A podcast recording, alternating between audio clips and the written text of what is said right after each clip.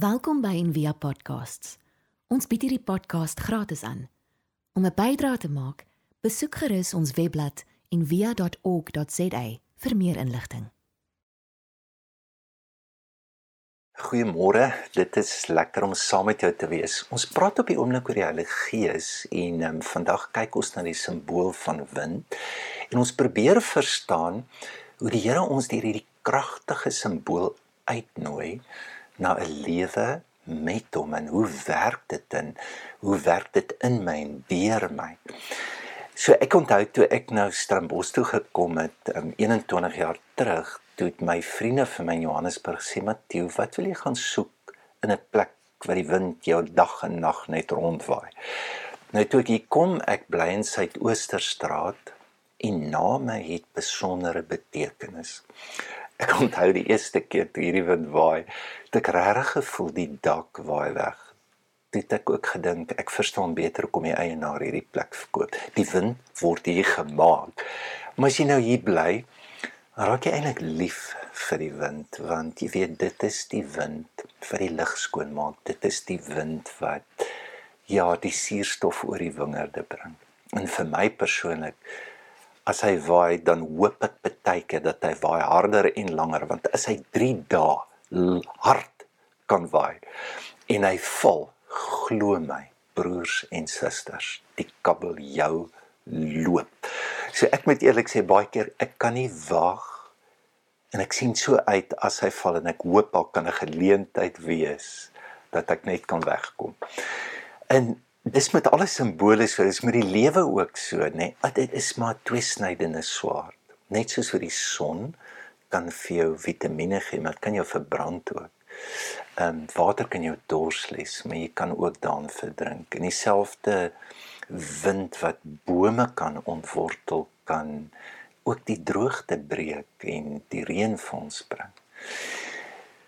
Ek onthou jare terug en ek het nou baie gedink aan my studentejare toe ek die preek voorberei want was in 'n tyd wat ek vreeslik gesoek het uh, gerebelleer het en dit was ook die tyd wat onafhanklike kerke reg oor die wêreld soos parastoele opgeskiet het en dan 'n gemeene deler van al hierdie kerke wat begin het was die aanspraak dat um, ons laat die Heilige Gees toe en dat die Heilige Gees werk dan ek onthou die mekaar ek geraak het. Ek onthou hoe ontstel ek met tye was van die plekke waar ek was. Maar daar was hom een persoon dit was soos 'n lewensboei vir my en my broer en 'n klomp ander studente. En sy naam was Malcolm Smith was 'n predikant in in Londen En daai tyd ons met die kassetjies het ons toe nou bestel en dan moet jy daai, jy het 14, 15 dae gewag vir jou kassetjie om te kom en as hy kom, dan kon ons nie wag om te luister. En ek onthou hierdie woorde van hom. Hy het hierdie woorde gesê dit was 1983 en ek onthou dit tot vandag toe. With just the word you will dry up. With just the spirit you will blow up. But with the word and the spirit you will grow up. Kan jy die twee snydende swaard hoor net in die woord en dan ook in die gees? As die Bybel ons uitnooi, Efesiërs 4 sê bedroef nie die gees nie, beteken jy kan hom hartseer maak, dit beteken ook jy kan hom bly maak. As die woord sê waar die gees van die Here is in 2 Korintiërs 3 daar's vryheid, dan beteken dit ook waar hy nie is nie, daar is gebondenheid. So kan die wind of die simbool van wind ons help om die bewustheid en in die bewustheid van God te groei. So die woord gees beteken jy kan dit vertaal met wind of asem. Dis wisselterme in die Bybel. Jy kan letterlik heilige asem of heilige wind of heilige gees sê, dan sal jy um, taalkundig sal jy dan korrek werk. En dit is ook die sinspeling en die gevoelswaarde wat baie keer ons help om te verstaan maar dis hoe die Here werk. As Genesis begin dan praat hy van die aandwind wat die Here kom en hy verlang na die mense en hy kuier by die mens. So die koppeling van wind is sy teenwoordigheid van die Here. Dit help my om dit beter te verstaan. Ehm um, Die Bybel sê dat die mens is net stof en dan blaas God sy asem daarin En dan word die mens 'n lewende siel. Met ander woorde, daar bestaan nie lewe. Ons kan nie mense wees as ons nie die wind, die asem, sy gees het nie. Ons word onmenslik sonder dit. En op Pinksterdag is daar weer 'n rukwind en ja, dit is Jesus sê hulle gaan wag dat jy die krag kan kry. Jy het krag nodig en dan dan sien jy hoe hulle lewe verander word deur hierdie ervaring van van wind of die simbool wat daar was. Nou kom ons kyk vandag net na drie goed uit die gedeelte wat ons gelees het en ek wil die eerste ding Jesus koppel die werking van die Gees aan 'n geboorte. Hy praat oor wind koppel hy dit aan 'n geboorte. Nou in Johannes 3 vers 3 staan daar en Jesus sê vir hom dit verseker ek as iemand nie opnuut gebore word kan hy die koninkryk van God nie sien. Dis seker die vers wat ons die meeste misbruik het in die Bybel. Dit sê nie as jy wedergebore word dan kan jy nie in die koninkryk van God ingaan nie sê net as jy nie weer gebore is jy opnuut gebore word. Die woord beteken letterlik om van bo gebore te word. Dan kan jy nie sien nie. sien Jesus praat oor die wind wat jy moet sien. As Nikodemus vra verduidelik vir my wat die ewige lewe is, dan probeer Jesus iets sê van soos in die hemel, so ook op die aarde. So terloops, die ooste wind word baie beskryf in die Bybel. Al die windrigtinge word genoem, die een word net een keer genoem, die ander word 5 keer genoem, maar die ooste wind word 20 keer genoem. Nou hoekom? Dis waar die son opkom. Is nuwe lewe, dis nuwe geboorte, dis nuwe skepping. As ook 'n baie donker kant, dit is nie van bo kom nie, dit kom van onder af. Genesis vertel hoe die ooste wind die koring doodwaai. Esegiel vertel hoe hy die wingerdstokke ontwortel. Die 10 plaae word versprei deur die ooste wind. Jonas se probleem op die boot is die ooste wind. Job word gedryf deur die ooste wind. En dan as die Jode probeer sin maak, dan sê hulle maar ons sien God in hierdie wind. En in Psalm 78 gaan herskryf en uit die geskiedenis, dan vertel hy vir jou hoe God in daai wind is. Hoe daar dood kom en hoe daar lewe kom. Dis die ooste wind wat die Rooi See oopkloof dat Israel bevry kan word, dat daar nuwe lewe kan kom. So 'n beeld wat ons kan help om dit te verstaan is dalk 'n kind in die skoot van sy moeder. So die moeder is alomteenwoordig, maar die kind weet dit nie.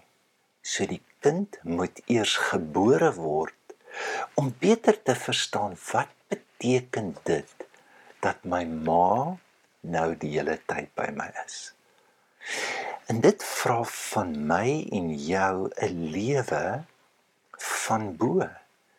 Dit vra van my en jou die Heilige Gees is 'n gawe.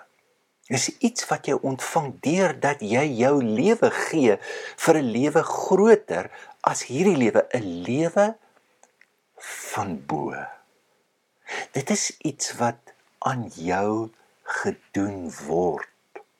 Dit is iets wat gebore word deur dat God na jou lewe toe kom. Dan in die tweede plek.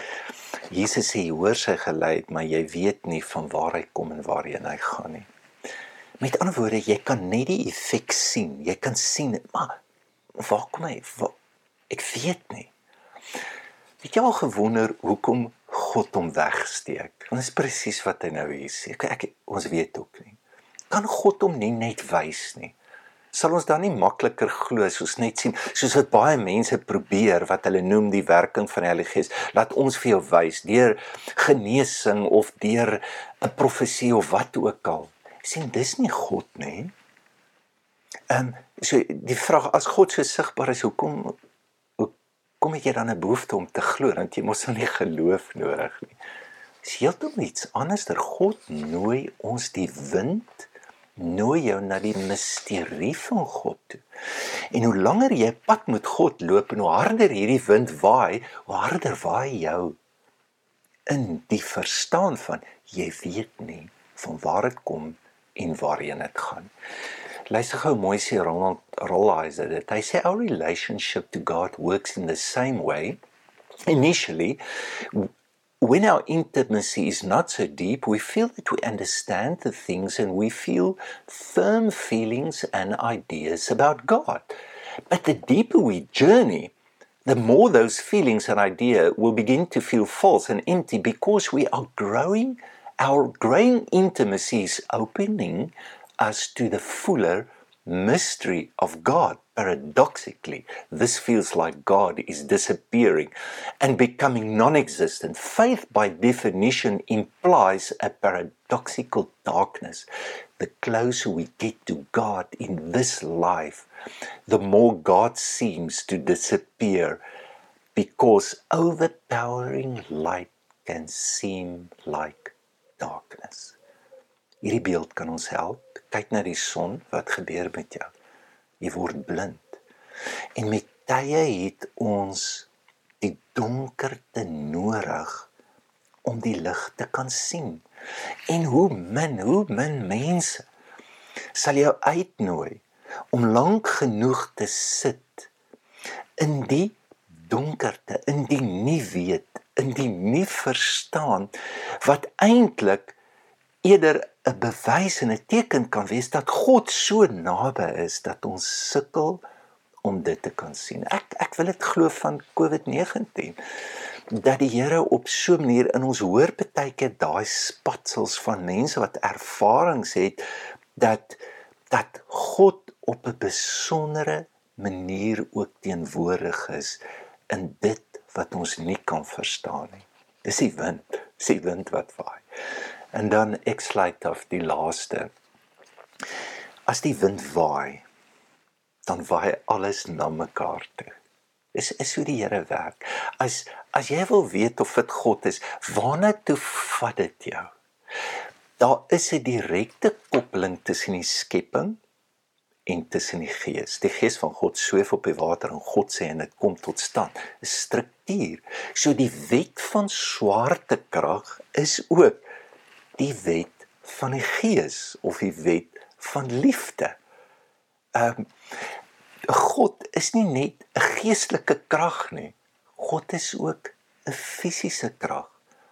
In Paulus se woorde, as die gees van hom wat Jesus uit die dode opgewek het in jou woon, dan gaan hy ook jou sterflike liggaam lewend maak. As die gees en die Bybel noem hom die gees van lewe. Met ander woorde, alles wat lewe is, as ons teen hierdie lewe gaan, maak nie saak die natuur, elke vorm van lewe, dan gaan jy teen die gees.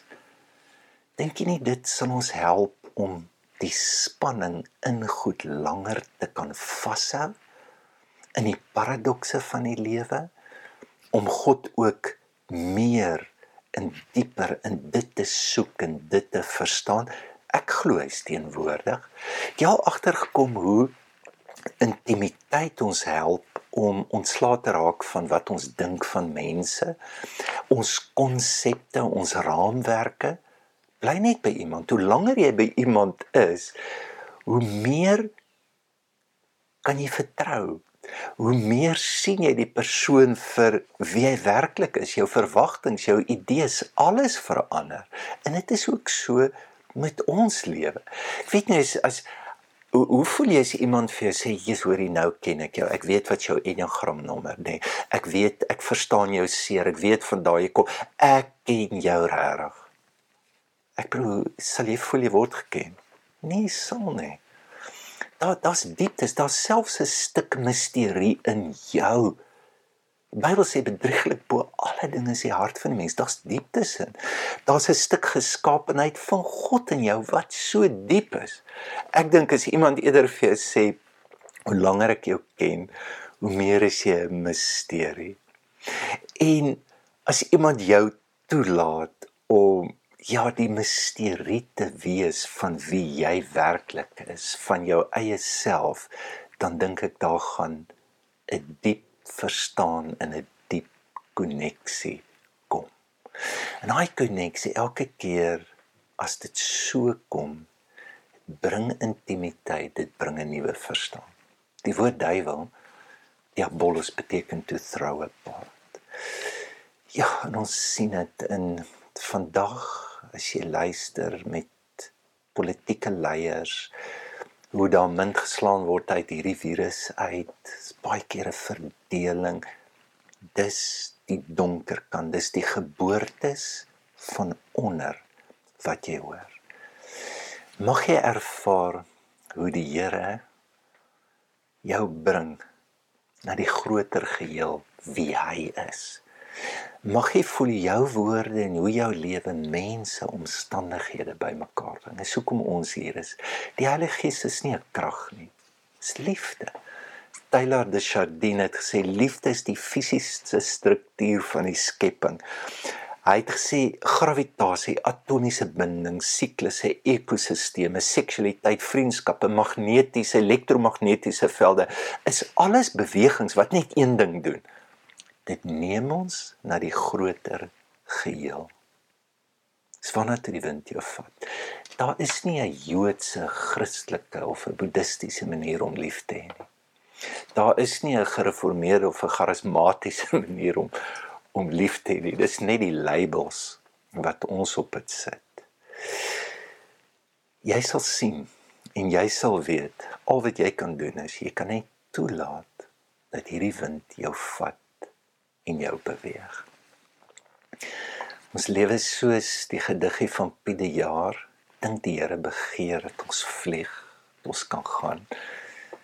En ek dink hy wil ook hê jy moet naby aan hom bly want anders te gaan ons op die Icarus vlug. Ons vernietig onsself. Dit is te groot, dit is te kragtig.